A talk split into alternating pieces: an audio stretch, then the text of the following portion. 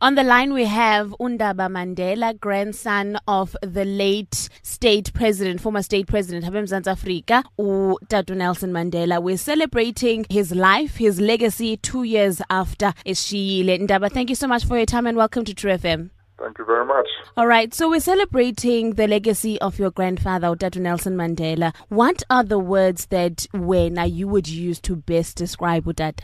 Uh, true leadership mm. a man who put himself before his own needs, before the people, um, a man who sacrificed a lot because of his beliefs, a man who understood the potential of the African child, a man who stood for peace, for unity, a man who, who, who, who you know, put his life on the line for freedom. So, what are your fondest moments of Utata Nelson Mandela? When we heard of his passing two years ago, abantu babalisa kakhulu about the funniest moments, their fondest moments that they shared with Utata. Do you have any of those? I have a few moments, but uh, you know, for me, it was uh, when he, you know, really stood up and you know showed how he really stood for African support, African solidarity, African unity. Eh uyakhumbula ngala xesha iAmerica bekhangela i-weapons of mass destruction e-Iraq. Mm. bayofumana ke uSaddam Hussein and bayo-invada even against i-wishes ye-United Nations.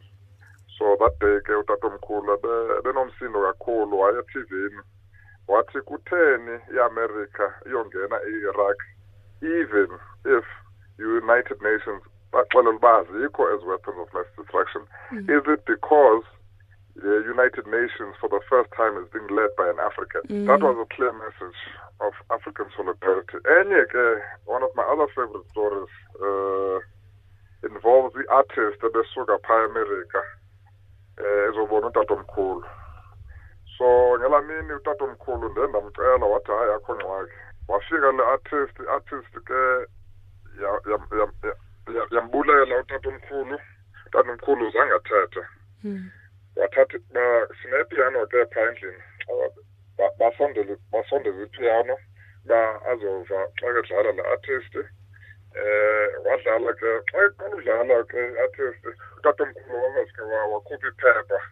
Engathi ebengena-interest to ndathi hayi tata ndacela mani kawubeke eli phepha phantsi walibeka ke utatomkhulu wagqiba ke eli-artist egqiba ke waphinda wabuya kutatomkhulu wambulela for le opportunity wamnika yona nokusana incwadi ke yonke into.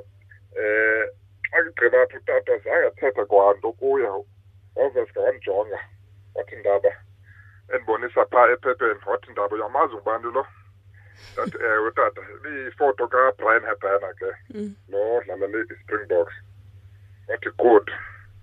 Waze ephepheni so heyi ndazicinga uba heyi kwenzeke ntoni nje lamini ndazicinga uba heyi yazi uthi ndiyazibona ezi artists ezisuka emerika kodwa wena ndaba uyazazi ii-heroes nee-artists ezaseafrika mm. that's what he was saying to me. And you know that was one of the things about utata omkhulu he was such a proud african.